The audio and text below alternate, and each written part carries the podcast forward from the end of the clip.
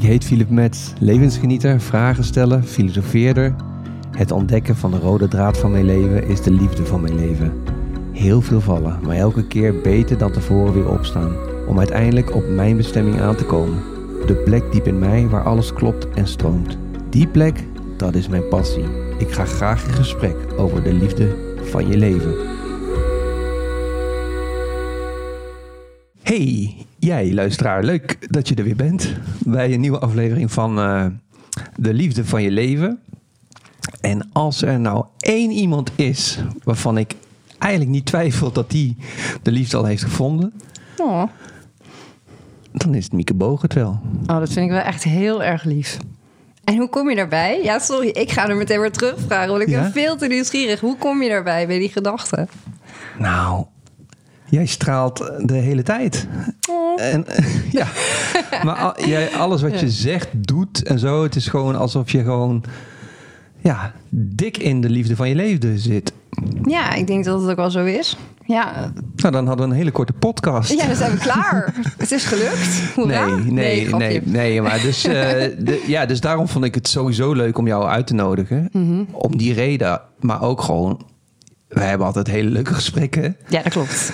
En eh, ja, dus ik denk, nou laten we dat gewoon opnemen dan. Een van die gesprekken. En hopelijk wordt die leuk. Ja, dat gaan we vanuit. zien. Ja. geen idee. En eh, we hadden net al het cave-knopje gevonden en die klinkt heel eng. Dat is eh, voor de luisteraars die denken, waar hebben ze het over? Dan klinkt je niet heel erg eng. Dus als het saai wordt, dan drukken we gewoon op een knopje en dan gaan we een feestje maken. Goed? Mm, dat is goed, ja. ja, die effecten, nee, die laten we thuis. We laten het toch thuis? Nee, Ja, het, het wordt een beetje serieus. Ja. Maar we mogen wel lol hebben hoor. ja toch? Ja. Het is allemaal belangrijk. Dus eh, ja, Mieke Bogert. eh, nou, misschien kan je zelf eh, wat over jezelf vertellen. het klinkt wel heel erg blasé zo. Nou, ik zat even te denken wat een beetje in mijn hoofd schoot. Maar dat weet ik natuurlijk niet. Wat ik heel mooi vind is... ja, wat je zegt klopt wel. Eh, er zit heel veel liefde in mij. En ik denk ook dat er wel heel veel liefde stroomt. Het kan altijd meer natuurlijk. Het is een oneindige bron. Ehm, maar ik, ik heb het idee, maar daar kan ik me in vergissen... dat je misschien ook op zoek bent naar... Ja, hoe kom je bij die bron? Of hoe kan je hem nog meer vergroten? Of nog meer versterken? En je komt natuurlijk niet zomaar op zo'n plek terecht. Daar moet je wel iets voor doen. Ja, Een soort van... zeker. en dat vind ik ook het mooie aan wat ik weet dat jij doet. Want ik weet maar een klein deel. Maar jij kan zeg maar op een. hè, je, je ontwikkelt onder andere spellen, laat ik dat eh, zeggen. En met die Ja. spellen kan je karaktereigenschappen of eh, grondbeginselen van jezelf eh, ontdekken. Maar die zijn super eenvoudig, Ja. die spellen.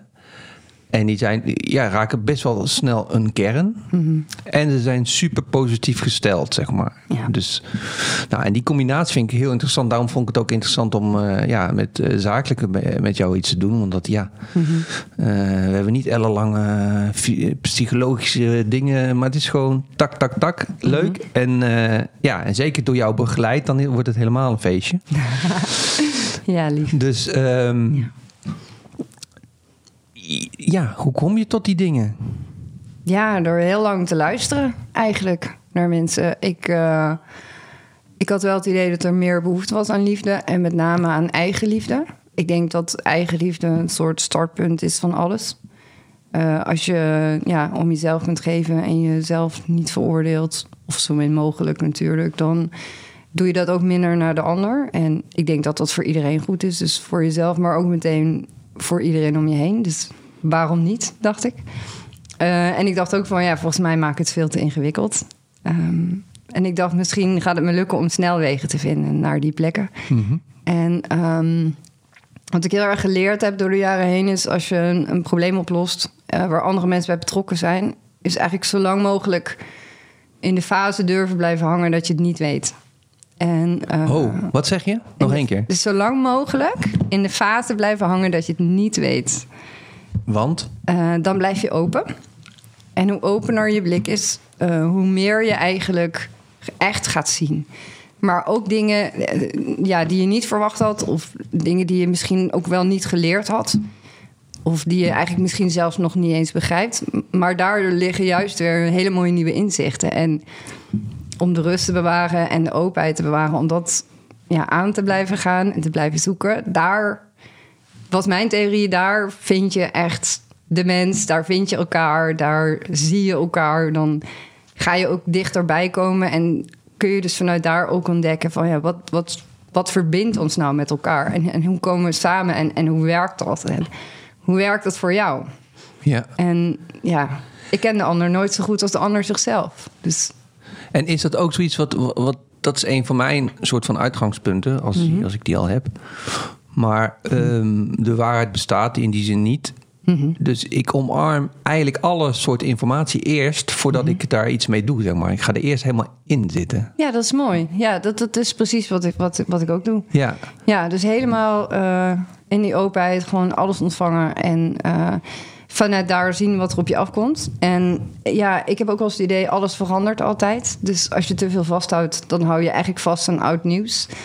Dus het is goed om bewust open te blijven en te blijven voelen van... hey, de dingen die ik voel of die ik bedacht heb, is dat nog wel zo? En ja, ik denk dat het heel belangrijk is om daar open voor te blijven. Want weet je, het is net als het weer. Het blijft niet hetzelfde. En het is fijn als het gaat regenen dat je een paraplu opsteekt... in plaats van nog steeds in je bikini rondloopt. En dat je denkt, ja, ik had toch gezien dat de zon scheen? Nee, het verandert. ja. Ja, Maar zoals je het eerst stelde, zou je eerst zeggen van blijf even, eerst even in bikini rondlopen dan. Eh, nou ja, ik denk dat het nog verder gaat dan of een bikini of een eh, paraplu. Maar dat je bewijzen van eigenlijk niks hebt. Maar dat je gewoon naar de lucht kijkt. En vanuit daar gaat zien wat er is. En vanuit daar op dat moment de beslissing neemt... hey, eh, pak ik mijn bikini of pak ik mijn Ja. paraplu?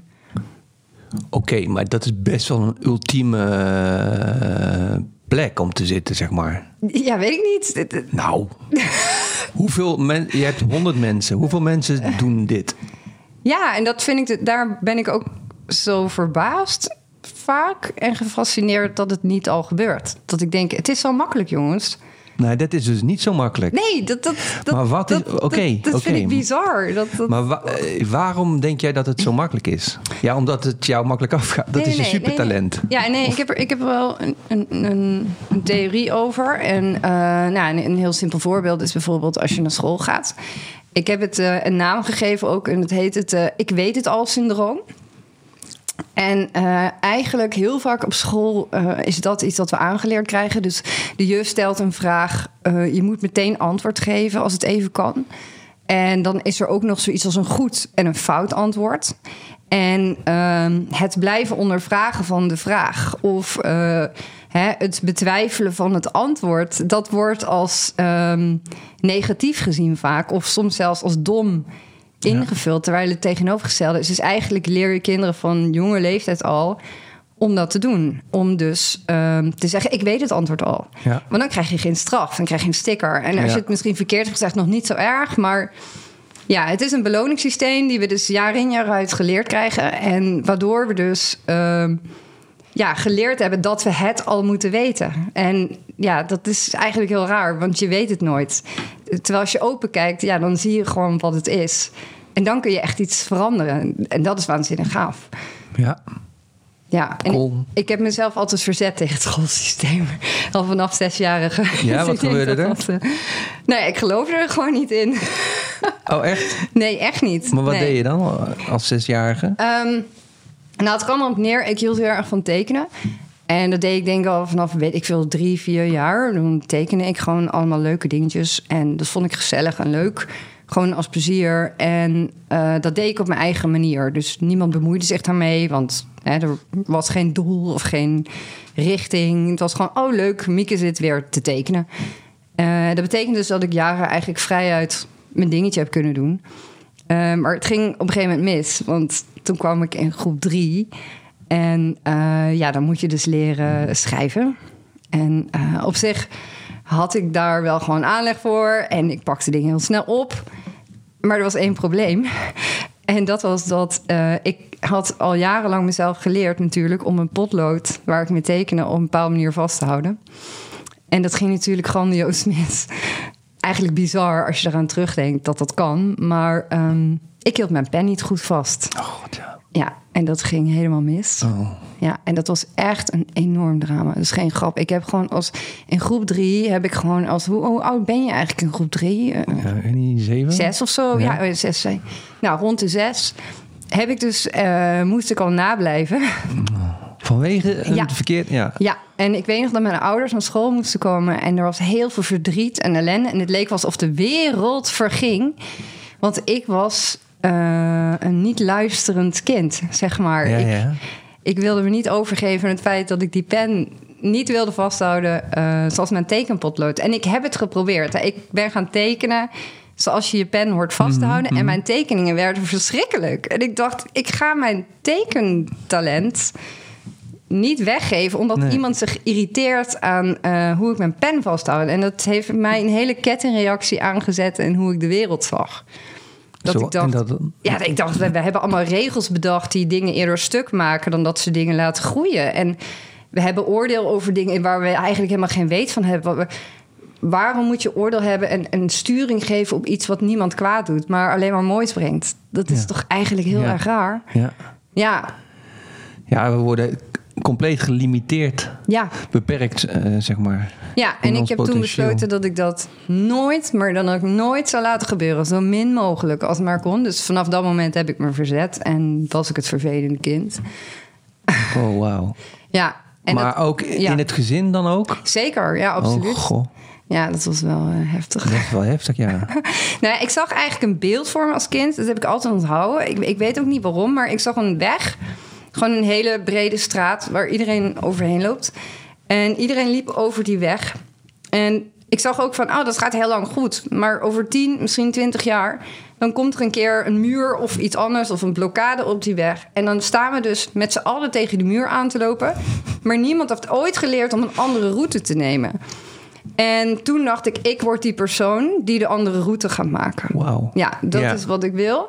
En ik wist ook, dit wordt een hele zware opoffering. En iedereen gaat me nu zo ongeveer haten. Maar ik voelde gewoon, dit moet ik doen. Ja, En hoe oud ben je daar dan op dat moment? ja dat, dat was ongeveer zes jaar. Ja. Dat je toen al voelde van, oh wauw. Ja, ja, dat was zo diep. Dat ik, voel, Oh. ik zag gewoon letterlijk de kinderen uit mijn klas gewoon wegvallen, zeg maar. Dat ze langzaam onzekerder werden in de keuzes die ze maakten. ja. In creatieve lessen van, oh, heb ik het wel goed geknipt? Terwijl er is geen goed of slecht. Het gaat om dat je plezier maakt. En uit die plezier ontstaat liefde en ontstaat de mooiste dingen. Oh, wat een ellende heb jij moeten meemaken. Ik ga niet zeggen dat het makkelijk was, nee. Absoluut Jeetje. niet. Ja. Oh ja. ja. Maar ik geloof wel dat het mijn weg is en Nou dat ja, het oké is. eh, eh, ja, no pain, no gain. Nou goed, ik weet niet of dat zo waar is eigenlijk, maar... Nou, ik denk, ik denk. Ik heb daarover nagedacht, uiteraard. En ik denk dat het wel zo is dat je ehm, het ene uiterste vaak niet kunt ervaren als je het andere uiterste niet kent. Nee, precies. En hoe in- intenser je het ene uiterste kent, hoe intenser je ook het andere Ja, uiterste. maar dat verklaart dus een heleboel voor mij. Mhm. Waarom jij zo aan die positieve kant zit. Ja, dat snap ik. Ja, dat is echt een keuze geweest. Ja. Ja. Ja. Ja, want het is ook in de gesprekken, weet je wel. Als, ik dan zelf iets zeg of mezelf een beetje neerhaal of wat dan ook, weet je wel. Dan zit je meteen. Mhm. Maar dat is misschien ook wel weer bijna. mm, alsof je er niet tegen kan of zo. Ja, het is. Ik denk dat mensen onderschatten hoeveel impact dat soort kleine Ja. dingen hebben die mensen zeggen. Want je programmeert jezelf Ja. onbewust. Eh, als je negatieve woorden gebruikt, negatief. Ja. Maar je kunt jezelf, als je er bewust van bent, ook positief programmeren. En ik ben er wel echt van overtuigd dat je jezelf echt wel, als je de goede wegen vindt, heel snel positief een goede kant op kunt bewegen. En ik geloof dat positief niet voor niks goed voelt. Ja. Dat betekent dat het ook goed is. En dat wil niet zeggen dat er geen negatieve dingen hoeven te zijn. Maar als je genoeg positieve kracht in je hebt, dan hoef je ook niet meer bang te zijn voor het negatieve. Want dan, dan kun je het wel aan. Nee, precies. Zeg maar, dan Ja. komt het wel goed. Ja, ja. Nou ja, helemaal eens. Ja. Mooi. En, ehm, maar vandaar tot het ontwikkelen van spelletjes. Nou ja, over die andere wegen dus. Eh, dat heeft zich voortgezet. Ehm, ik ben eh, met heel veel tegenstribbeling... eh, heb ik de MAVO gedaan, ben ik nog blijven zitten. Op godsdienst, nota bene. Vind je het niet grappig? Zitten we hier in een klooster. Yes. Ja, en ik weet ook waarom. Het is een hele bizarre reden. Oh. Maar mijn godsdienstleraar, die, eh, die haatte mij intens. Want ik lette nooit op in de klas. En de makkelijkste manier om mij dan te positioneren is... ze is vast een beetje dom. Oh ja. En zo zette die mij ook neer. En ehm, wat er op een gegeven moment gebeurde was... dat we een hele complexe les kregen... over een soort van religie... die niemand kon doorgronden, blijkbaar. En eh, zelfs een ateneum snapte ze nog steeds niet wat die tekst nou betekende. En ik werd meteen wakker. Ik dacht, nieuwe informatie waar ik iets aan heb. In plaats van die saaie dingen die iedereen weet. Ja. Die wil ik helemaal niet weten. Dat voegt niks toe. Maar als niemand het snapt, leuk. Ja, ja, precies. Dus ik werd helemaal hyper blij. Ik zei, joepie, ik, kan, ik mag echt iets nieuws leren. Een ander pad in plaats van wat iedereen loopt. En eh, ja, eigenlijk had ik hem binnen no time ontrafeld. dus ik zei, oh, ik snap die tekst. Het is super briljant. Dus ik ging dat helemaal uitleggen aan die man. En die, die, die flipte gewoon. En daarna is hij gewoon zo vaak zo boos geworden eh, op mij met lessen. En hij heeft me ook echt net een te laag cijfer gegeven... waardoor ik dus ja, niet over ben gegaan. Maar waarom zou die flippen dan? Omdat hij niet aankon dat jij het wist of zo? Ja, mensen kunnen heel vaak dat. Ja, dat is toch het. eh, het ik weet het al syndroom. Ah, Zo noem ik het maar. En dat is niks persoonlijks, maar dat is iets heel hardnekkigs. Ehm, ja, het is fijn als je open kunt blijven staan voor nieuwe informatie. Ook als het uit een hoek komt waar je het niet verwacht had. ja. Maar dat is ook een uitdaging. Oh. Ja. Maar goed, we hadden in het voorgesprek... uiteindelijk heeft die, de, dat, die persoon die haat naar jou... dat is de haat naar, Mhm. Naar zichzelf. Ja, Ja, dat... dat- weten wij. Ja. ja, dat was zijn probleem. Nou Ja, ja. ja. Dus eh, nee, maar het enige wat ik dacht was... ik wil paden creëren die, die anders zijn... En waar we verder kunnen als er een blok op de weg komt. Maar ik wist niet hoe het eruit ging zien... maar ik dacht, ik, ik moet gewoon bij mezelf blijven... en ik moet die andere weg blijven lopen... en mezelf blijven, ook al vinden mensen dat niet leuk. Nou, jammer dan. Ja, Dat was natuurlijk wel een beetje eenzaam af en toe, maar zeker. ja... Ja. En eh, ja, ook wel lastig. Maar, Maar had je dan wel vriendinnetjes of vriendjes of zo? Of hoe? Nou, dat is echt bizar. Ik had af en toe wel een soort van vriendinnetjes, maar vaak ook niet. ja. Dus ik was vaak echt alleen. Ja, Ja. nou, dat geloof ik. Ja. Want dat is zeg maar eh, niet te doen. Eh, de, de kinderen om jou heen die, zijn, die, die, die lopen dat pad helemaal niet. Nee, ik had één vriendinnetje die, ehm, die was heel slim en die was heel bijzonder, zeg maar. En die zei altijd: Mieke, er is iets bijzonders met jou. En dat fascineert me. En eh, met periodes eh, is ze mijn vriendin geweest. En dat heeft me heel erg geholpen. Mijn moeder zei altijd: dat is je, jou, jouw beschermengel. Jij bent anders dan anderen. En, en zij is jouw engel, zei ze altijd. Ja. dat vond ik heel lief. Ja, Ja. mooi. Maar, dus je komt eigenlijk een soort van moeizaam die periode door, zoiets? Mag ik dat zeggen? Of? ja, zacht uitgedrukt, Mm, Oké, gewoon ruk. Oké, maar de, Ja. eh, en, en komt er dan een kentering en wanneer is die? Nee, En- want het blijft gewoon eh gezeik en gedoe. Oh, tot, tot? Tot, oh jeetje, ik denk, eh, maar eigenlijk, ja, dat is mijn weg, denk ik, gewoon geweest. Ik denk dat ik nu pas voor het eerst in een fase zit waar ik geen gedoe heb. En dat is best wel wennen op je Maar veertigste. nu gewoon eh, sinds twee jaar of zo? Of Ja, sinds een jaar of zo. sinds een jaar? Ja. Dat is, Oh, ik vind het een beetje raar. Ik, ik merk dat het niet mijn safe space is. Dat er niet de hele tijd van alles misgaat.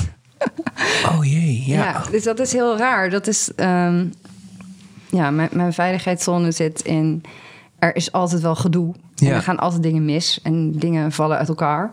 ja. Of whatever. Maar dat gebeurt niet meer. En dat voel ik ook, dit is nu de fase dat dat mag, maar dat is heel raar. Dat, Dat is heel raar. Want Ja. eigenlijk was het zo, eigenlijk soort houvast uiteindelijk. op een hele rare manier Ja. is het houvast geworden dat ik allemaal houvast verloor. Ja, Ja, het heeft me wel extreem onafhankelijk gemaakt. ja dat snap ik. dat, dat is mijn grootste cadeau. Ja, en geen concessies geven, eh, doen aan... Het ging niet. Nee. Nee, dat kon ik niet. Oké. Maar kijk, in eh, een vorige eh, podcast heb ik eh, met mijn coach Wilka erover. Mhm. Dat je kan zover coachen als dat je zelf bent geweest. Mhm. Nou, dan kan jij ook wel een boel coachen dan. Ja, dat klopt.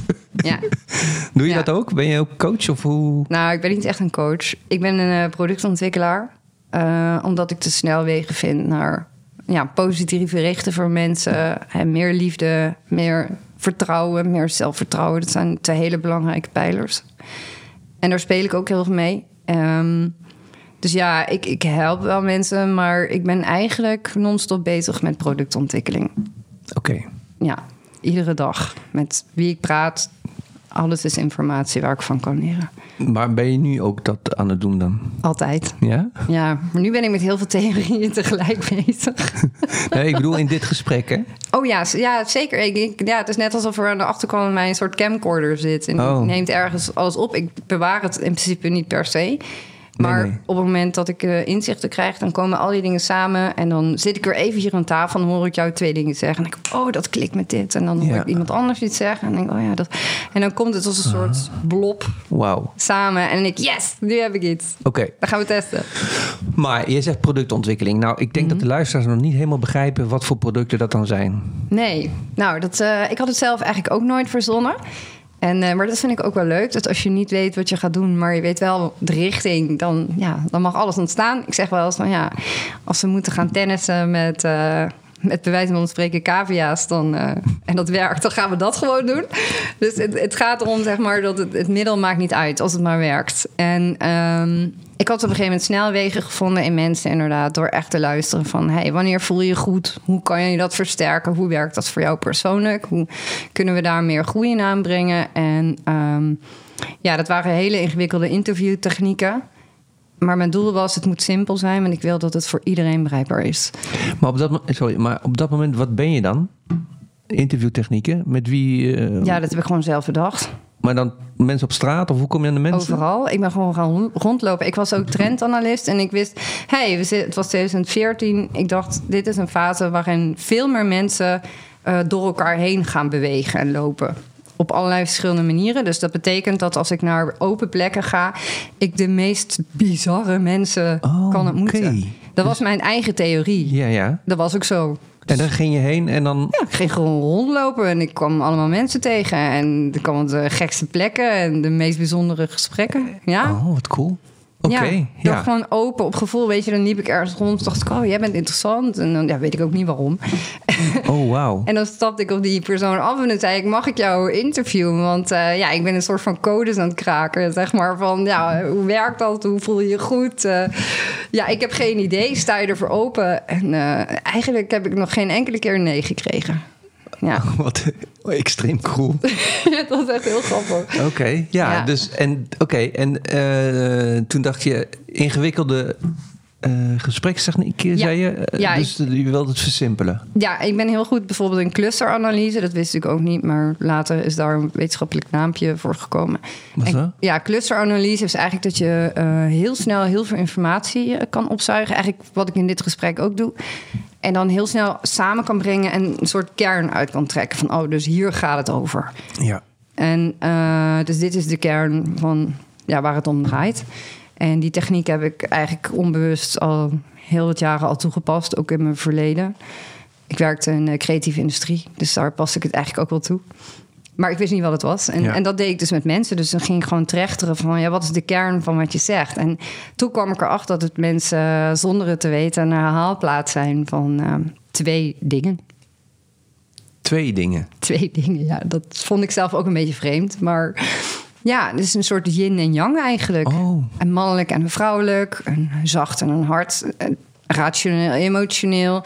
Extravert, Maar bedoel je dan dualiteit? Een dualiteit. Oké. Ja, en toen kwam ik erachter dat, eh, ja, dat, dat mensen een dualiteit zijn. En eh, dat we eigenlijk in alles wel. eh, In het zichtbare, in vorm, kunnen we heel goed met dualiteit spelen. Maar in het onzichtbare doen we alsof het niet bestaat. Dus als Ja. we onszelf labelen als iets of iemand, dan is dat ineens een vast gegeven. En dat is heel raar. Het is een, een beweging, het is een energie. Ja, het is, het is zoals je hart, weet je wel. Die, die, die, ja, die, die, die, die duwt zichzelf in en die, die ontspant zich. En die tegenovergestelde kracht, dat is levensenergie. En dat is wat we in ons dragen. Hoe gaaf is als we dat weer kunnen omarmen. En dat is waar ik me voor inzet ook. Dat dat gebeurt. Oh, wauw. Ja. Ja. Dus ehm, die twee dingen, is, is dat waarom we er uiteindelijk bij die kaarten dan twee dingen voor, uh, In dit geval wel, ja. In dit geval? Ja, dat was het eerste spel. Ja, Oké. En de eerste ontdekking. Maar leg uit, hoe gaat zo'n spel dan? Nou, uh, het spel gaat erover. Uh, nou ja, het is een, een, clusterspel, als het ware. Dus je hebt categorieën waar je uit kiest van wat doe ik. En je ziet heel vaak dat mensen zichzelf identificeren met, mm -hmm. ja, met hun eigen gedrag. Uh, terwijl als je dus doorvraagt van, hè, dus er komt een bepaald gedrag bijvoorbeeld naar boven. En je gaat dat uh, bevragen en je zegt maar, hè, word je er gelukkig van? Krijg je er energie van als je dat iedere dag mag doen? Nou, ik ga je zeggen, het is schrikbarend voor hoeveel mensen dat niet zo is. Ja. Dus heel veel ident mensen identificeren zich met een gedrag, zeggen Hè, dat dat is wat ze zijn, Ja. terwijl ze er niet gelukkig van worden. Ja, Dat vond ik best wel shocking. Eh, ja. ja want uh, wij, wij hebben het dus ook gedaan op, op de zaak. En Ja.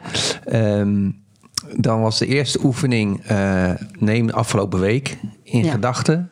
ja, En dan krijg je een resultaat. ja, En dan eh, de tweede oefening, neem je ideale week in gedachten. Als er geen eh, belemmeringen zijn. precies. En dan krijg je wel of niet een ander resultaat. Maar Meestal wel. meestal waarschijnlijk wel, ja. Ik, ik, heb, en ik heb het duizenden keren gespeeld. Ik denk dat ik één keer hetzelfde resultaat heb gehad. ja, Maar dat, die dat was persoon- bij mij. Nee. Oh.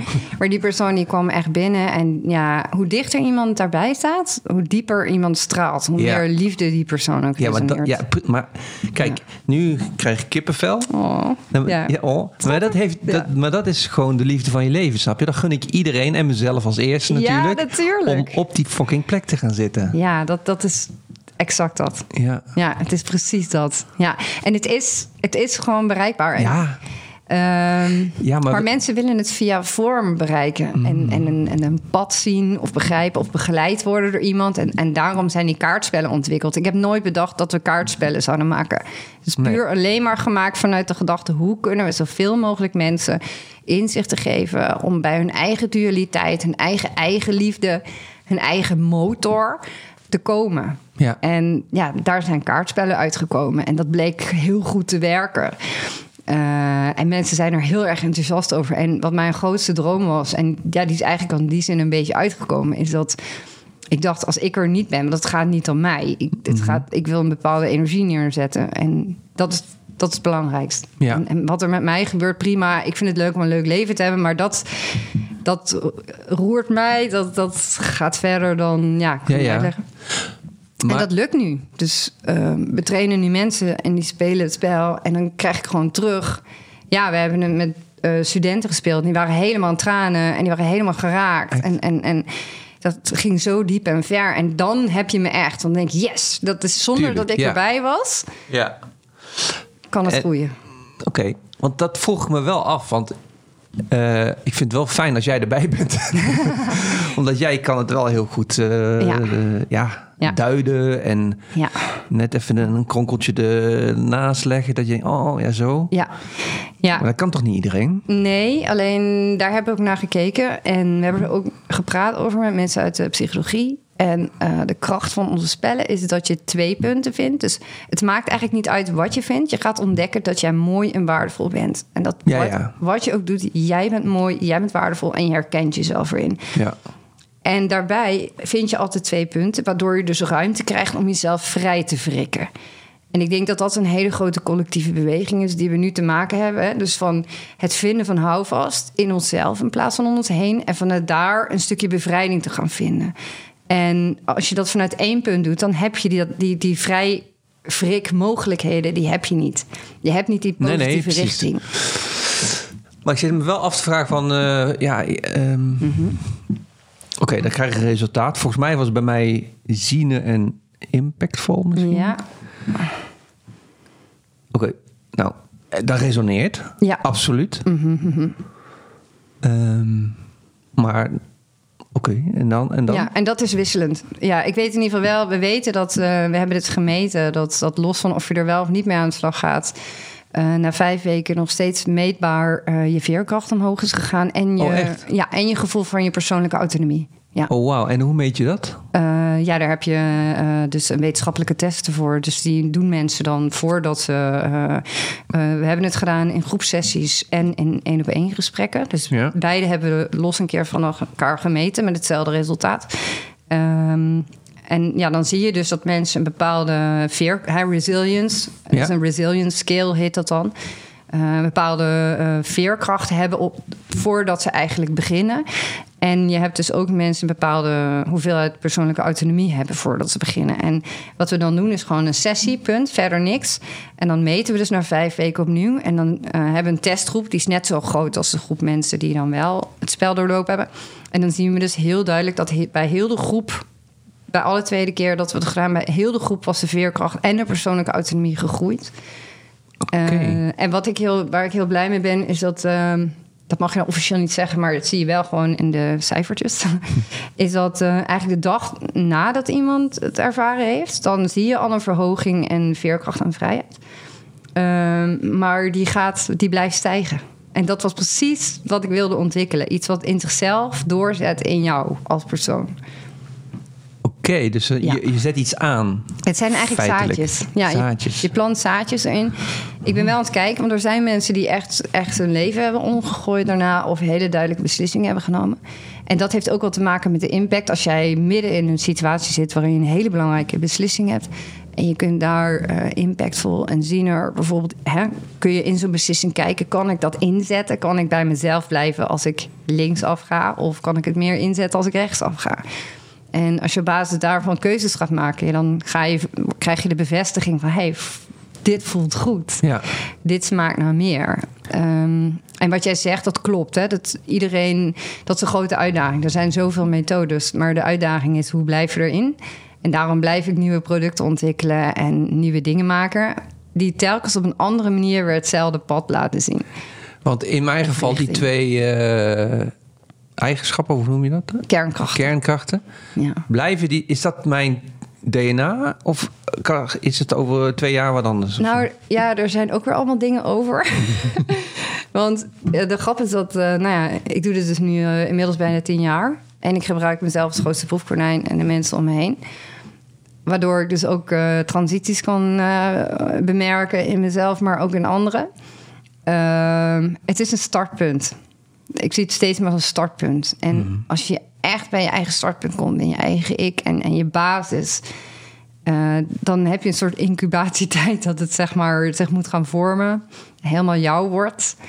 Eh, en vanuit daar kan er weer een nieuwe transitie ontstaan. Maar het is wel vaak een kern die je met je blijft meenemen. Een soort Ja. basis, als het ware. Ja.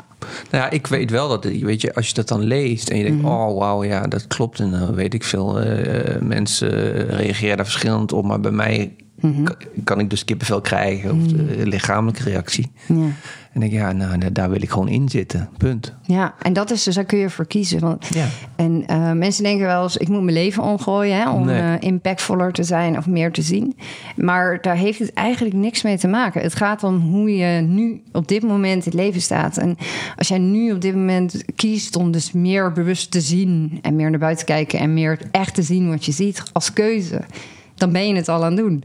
En met impact maken ook, weet je. Het zit gewoon in alle dingetjes die je doet. Die kun je klein doen of groot. Ja. Er zit ehm, zoveel ruimte eigenlijk al om, om je energie te veranderen. Zonder dat je je hele leven omgooit of eh, enorme veranderingen maakt. Dat kan daaruit voortkomen, maar dat hoeft helemaal niet. Ik denk dat mensen het vaak ingewikkelder maken dan het eigenlijk Ja. is. Nou, maar kijk, als je, als je zoiets hebt, hè, en jij bent echt helemaal overtuigd ervan, dan wil je toch eigenlijk de hele mensheid Tuurlijk. helpen? Ja, dat is ook zo.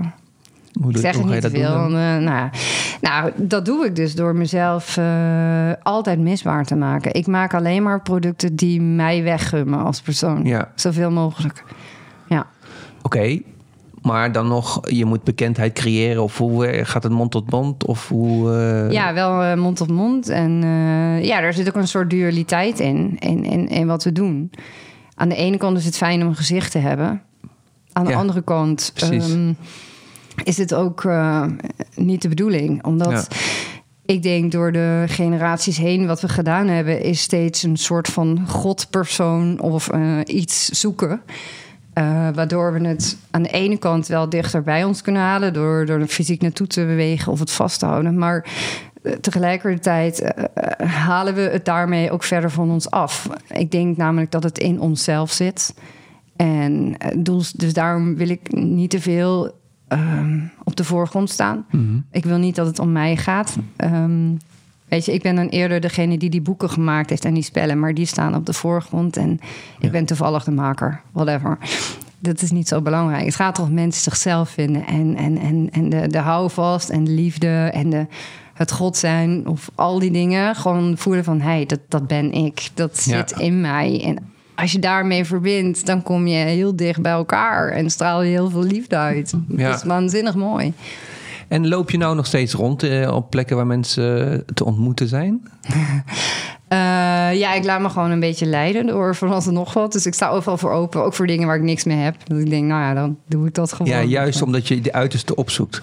Ja, ik laat me Omdat gewoon. ja, ik, ik weet niet. Het is een beetje. Ja, het is ook weer heel open. Ik laat het gewoon ontstaan. Bijvoorbeeld, nou ja, ik kom met zo'n podcast en denk, nou oké, dat is ook leuk. En ja, ik sta gewoon open voor wat op me afkomt. En ik loop een beetje rond en op gevoel. Ja, en eh, nou, had dus onlangs, nou volgens mij meerdere, maar gewoon je, ontwikkelt nieuwe spellen. Hoe ontstaat dan zo'n spel concreet? Ja, dat, daar is nu een transitie in. Mijn, eh, mijn, eh, al, al mijn spellen zijn uit, ontstaan eigenlijk, als ik nu terugdenk, in ieder geval een aardige deel tot nu sinds kort dan, eigenlijk uit pijn. Die zijn ontstaan uit pijn. Ja, Ja, uit pijn. Pijn voor oh, eh, mensen om om me heen, pijn aan mezelf. Ik heb pijn altijd gezien als een hele sterke brandstof.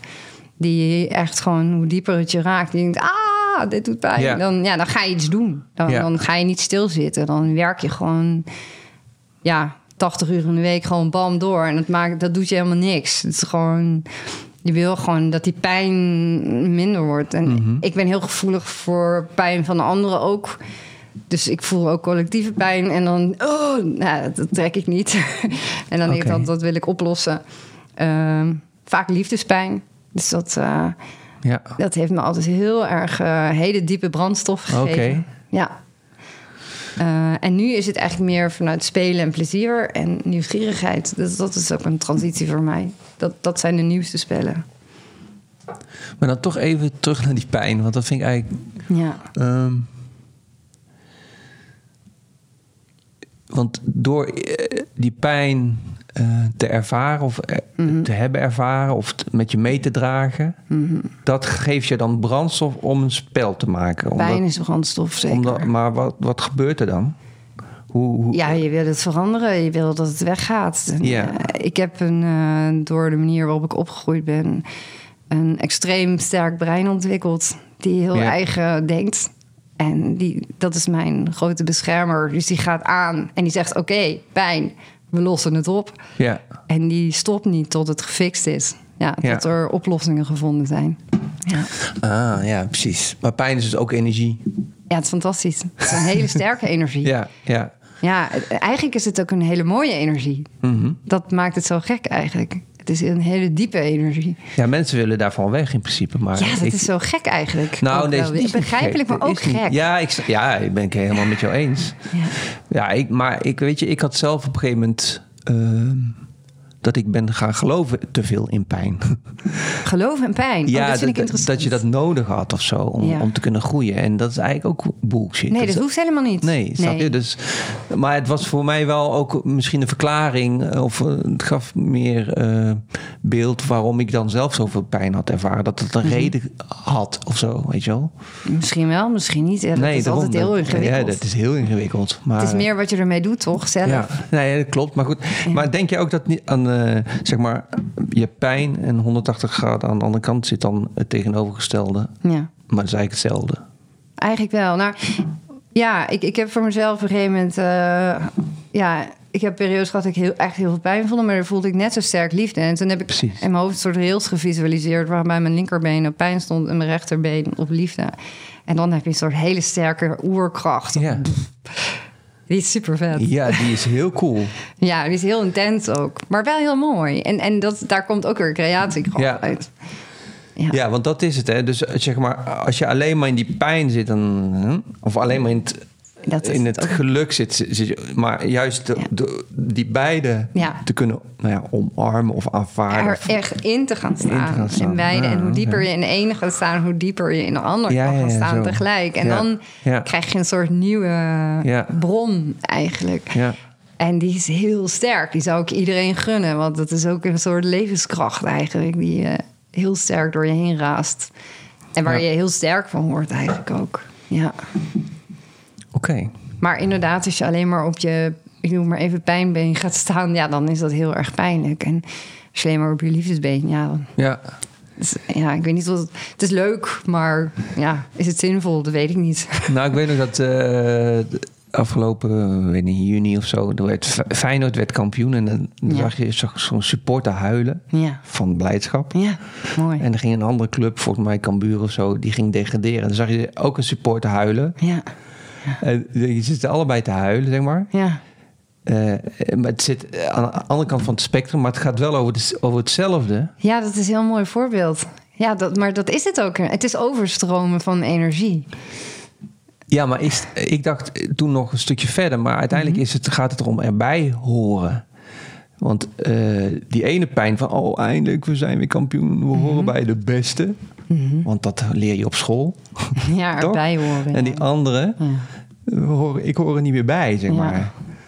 Ja. En dat is echt weer die dualiteit. Ja, en ja, wat er ook gaan is, denk ik dat, eh, dat er een hele grote beweging is naar steeds meer onafhankelijkheid. En, eh, en dat is een eh, uitdagende reis. Dat weet ik. Ik heb hem eh, zelf wel aardig wat stappen in eh, mogen zetten. Niet op een leuke manier. Wat bedoel je dan precies? Nou ja, dus onafhankelijkheid is dat je dus eh, gaat eigenlijk over het loslaten van, van verbinding en houvast. Ja, ja, En dat is een, eigenlijk een, een hele zware transitie.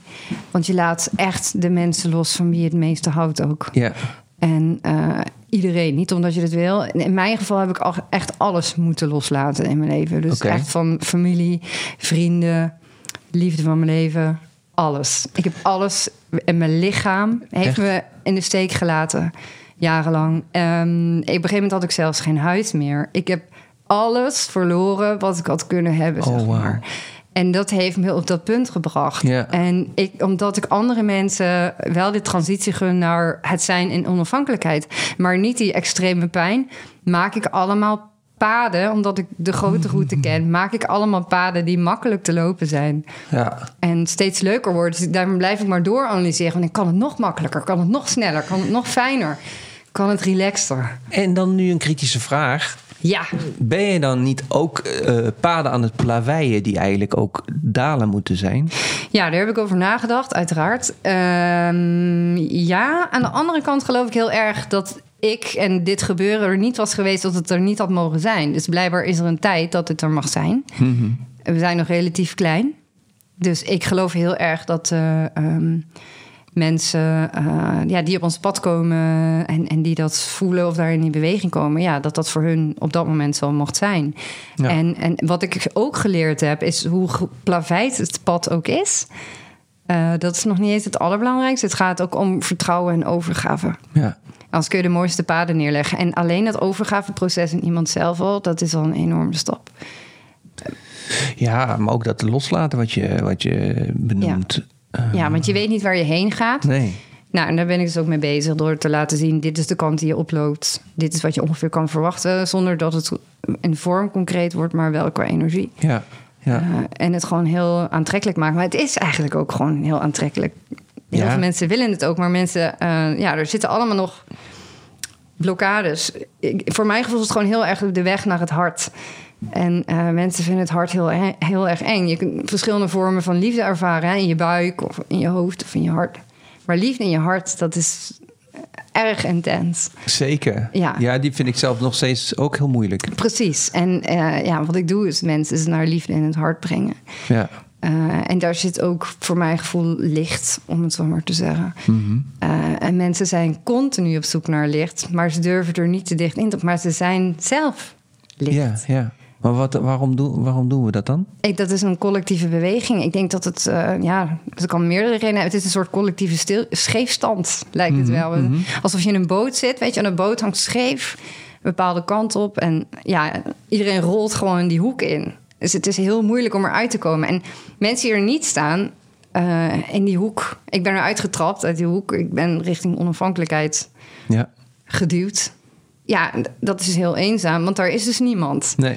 Eh, maar hoe mooi is het als er een even... Ja, op een gegeven moment, ik geloof dat als eenmaal een aantal mensen daar staan... dan wordt het steeds makkelijker voor de volgende om weer te lopen... en weer de volgende. En, en dan is de pijn zal ook afnemen. Ik denk dat de pijn eigenlijk niet pijn is... maar een stilstand en een stroming die er eigenlijk had moeten zijn. En als je heel lang stil de motor tegenhoudt die wil draaien... ja, dat, natuurlijk doet dat pijn. Ja. Ja, en hoe mooi is het als we op een gegeven moment kunnen loslaten... en de motor stroomt gewoon en alles mag er zijn. En we kunnen echt onafhankelijk zijn en dat echt voelen en ervaren. Vanuit ons hart. Maar wat bedoel je dan met onafhankelijk zijn eigenlijk? Onafhankelijk is zeg maar... Ja, we zijn nu heel erg... Het heeft toch te maken met zekerheid en veiligheid. Hè, als je onzeker bent of onveilig, wat ga je doen? Ja, dan, dan ga je proberen houvast te vinden. Dan grijp je iets vast.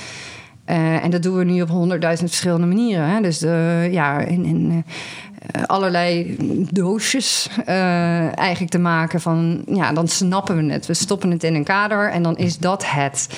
Eh, maar daardoor trekken we letterlijk muren tussen onszelf in. En ook in onszelf, waardoor we niet meer echt contact maken. Dus het, het lijkt alsof we verbinding maken, maar we maken Precies. juist geen verbinding en we ontbinden. Ja. En die beweging is nu heel sterk.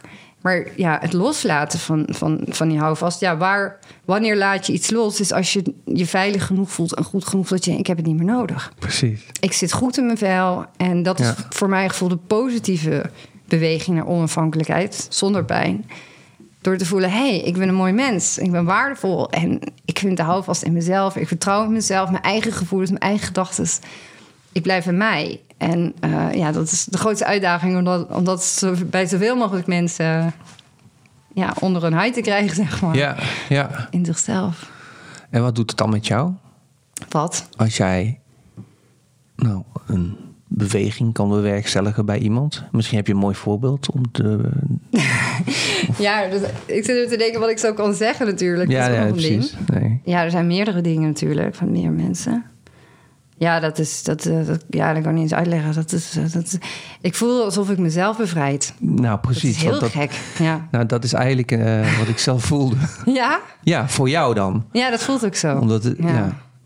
Maar, maar ja, dat is echt ook een enorme brandstof natuurlijk. Energie die jij hebt om dat voor anderen te doen. Omdat het jezelf aan, aan het is alsof een stukje van mezelf open. Ja. Ik denk, ah, ja, dan, eh, ja, dan kan ik echt janken. Ja, dat gebeurt dan ook wel eens natuurlijk. Ja. Flink. En ehm, niet dat we dat nu gaan doen, maar voel je nog dingen bij mij? Dingen bij jou. In de zin van eh, die, ja, jij zegt ik voel van alles. Mhm. Ja. En zie, eh, voel je nog iets bij mij? Of, eh, Nou ja, ik voel wel inderdaad die, die, die collectieve beweging ook heel sterk in jou. En dat zei je zelf ook al met je hart. Dat, dat je dat spannend, spannend Ja. vindt en eng. En ja, je kunt het gewoon aftekenen op je buik. Dus dat het echt een beetje naar hier zit. En het wil naar, verder naar boven. Sorry voor ik Ja. zit uit de microfoon te praten. Ik, ik ben er, hè, dus dat je eigenlijk vanuit je navel... dan zie ik eigenlijk hier de deel hierboven. Hier ergens Ja. zit het. En daar wil het verder. Oh, dat zit nog vast. En het zoekt naar Ja. een opening om dit. Ja. Maar het ding is, en daar komt dan weer. Dat gaat met die vakjes samen, is oordeel. Want we veroordelen bijvoorbeeld ook emoties Mhm. steeds meer.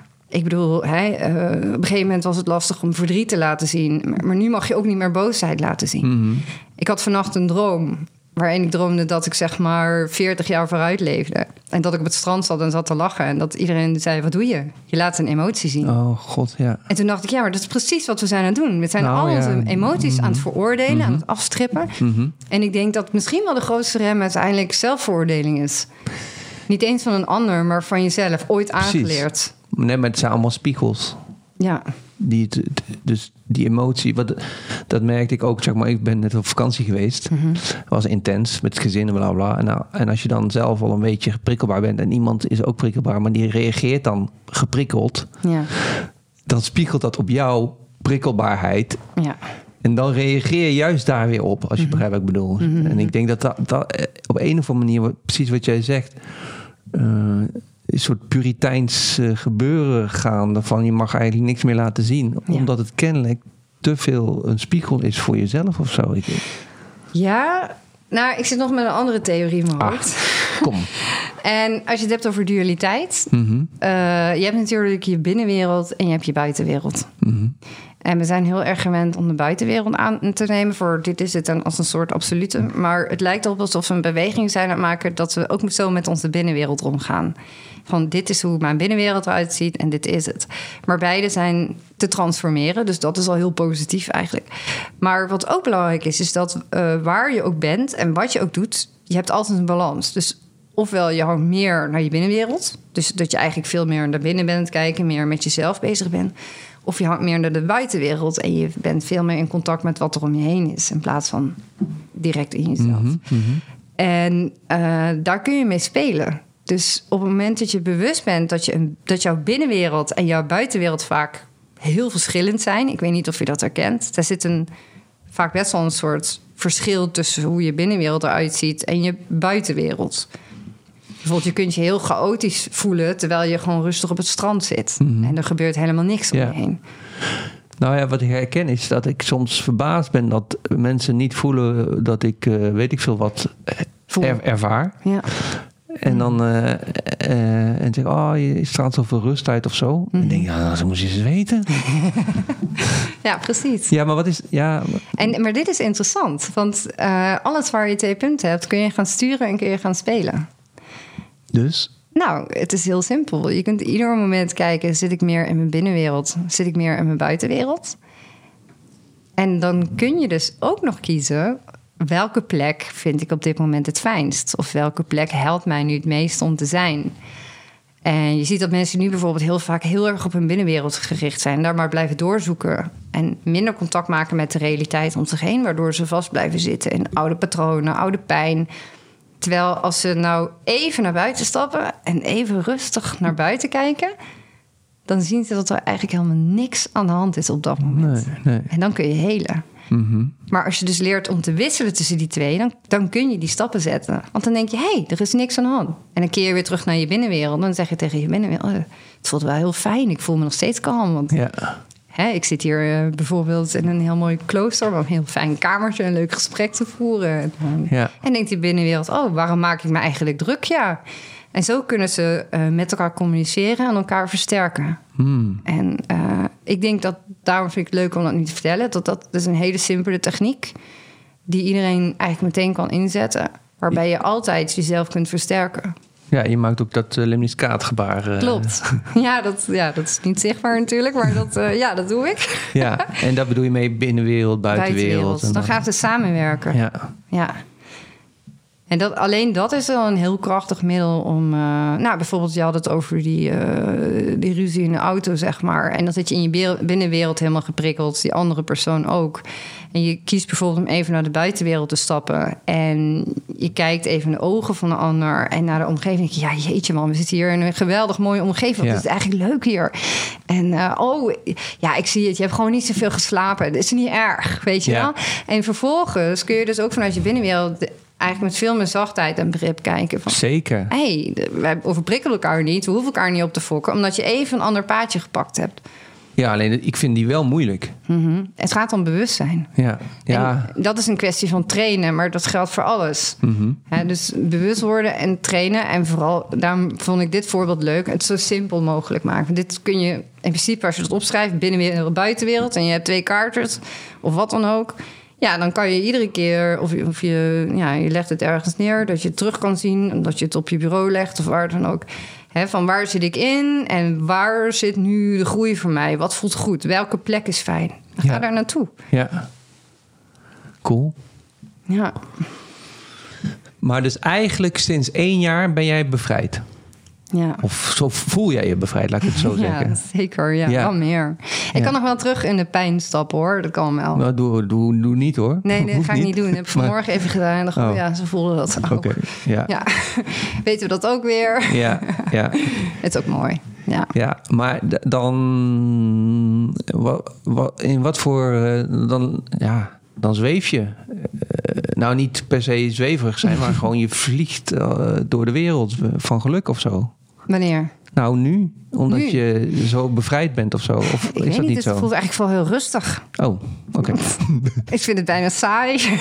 ah, verslaafd aan pijn. Eh, ja, maar ook weer leuk. Want dan denk ik, oh, nou, als ik me zo rustig voel... dan is het makkelijker om in de, in de buitenwereld op dingen nog meer in beweging te zetten... of gewoon dingen te doen die je anders niet zou doen of durven. Of gewoon zo. Ja, Want het is heel kalm.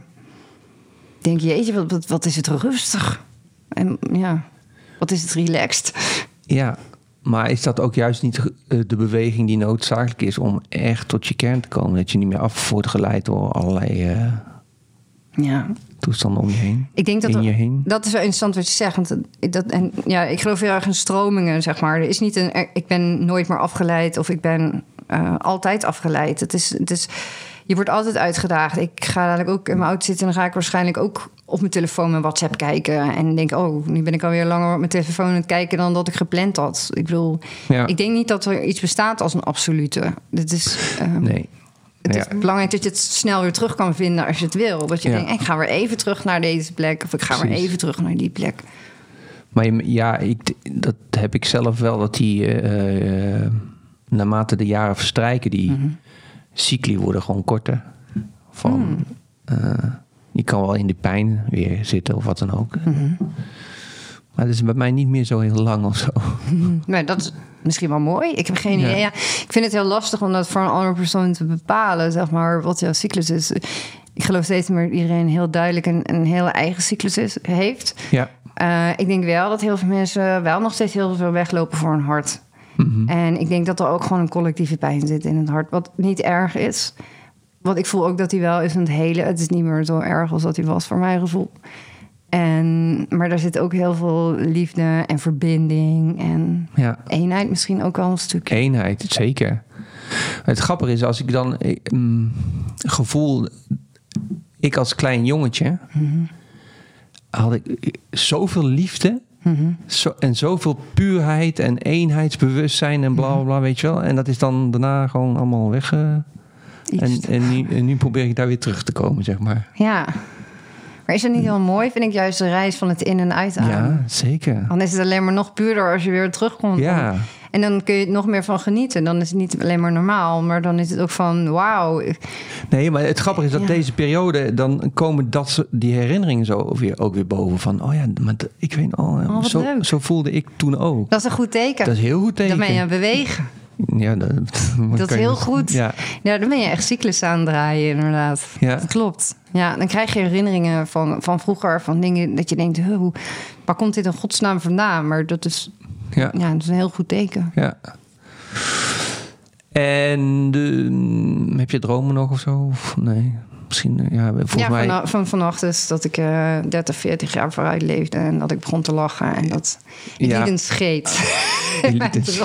En ik moest keihard lachen, want ik vond het zo grappig. Ja, En de hele, ik zat op het strand en eh, ja, de hele, alle mensen die er zaten waren woest dat ik emoties liet zien. En toen dacht ik, ja, dat is precies wat we nu zijn aan het doen. We zijn eh, onze leefruimte steeds meer aan het afkaderen en het verkleinen. Ook in het hebben van emoties. Het mag Mhm. steeds minder en steeds kleiner. En ik moest een beetje denken, je hebt zo'n grapje met een debieletje met een kaasschaaf... die zichzelf steeds kleiner schaaft. Dan blijft er uiteindelijk niks meer over. Ja, het is helemaal niet grappig. Ik heb nooit de lol ervan ingezien. Maar ik dacht, dat doen we wel met onze emoties... maar dus ook indirect met onszelf. En ik denk als we de breedte van onze emoties weer zouden mogen dragen... en niet zouden veroordelen bij onszelf... Mhm. maar ook niet bij anderen... en meer zouden willen begrijpen.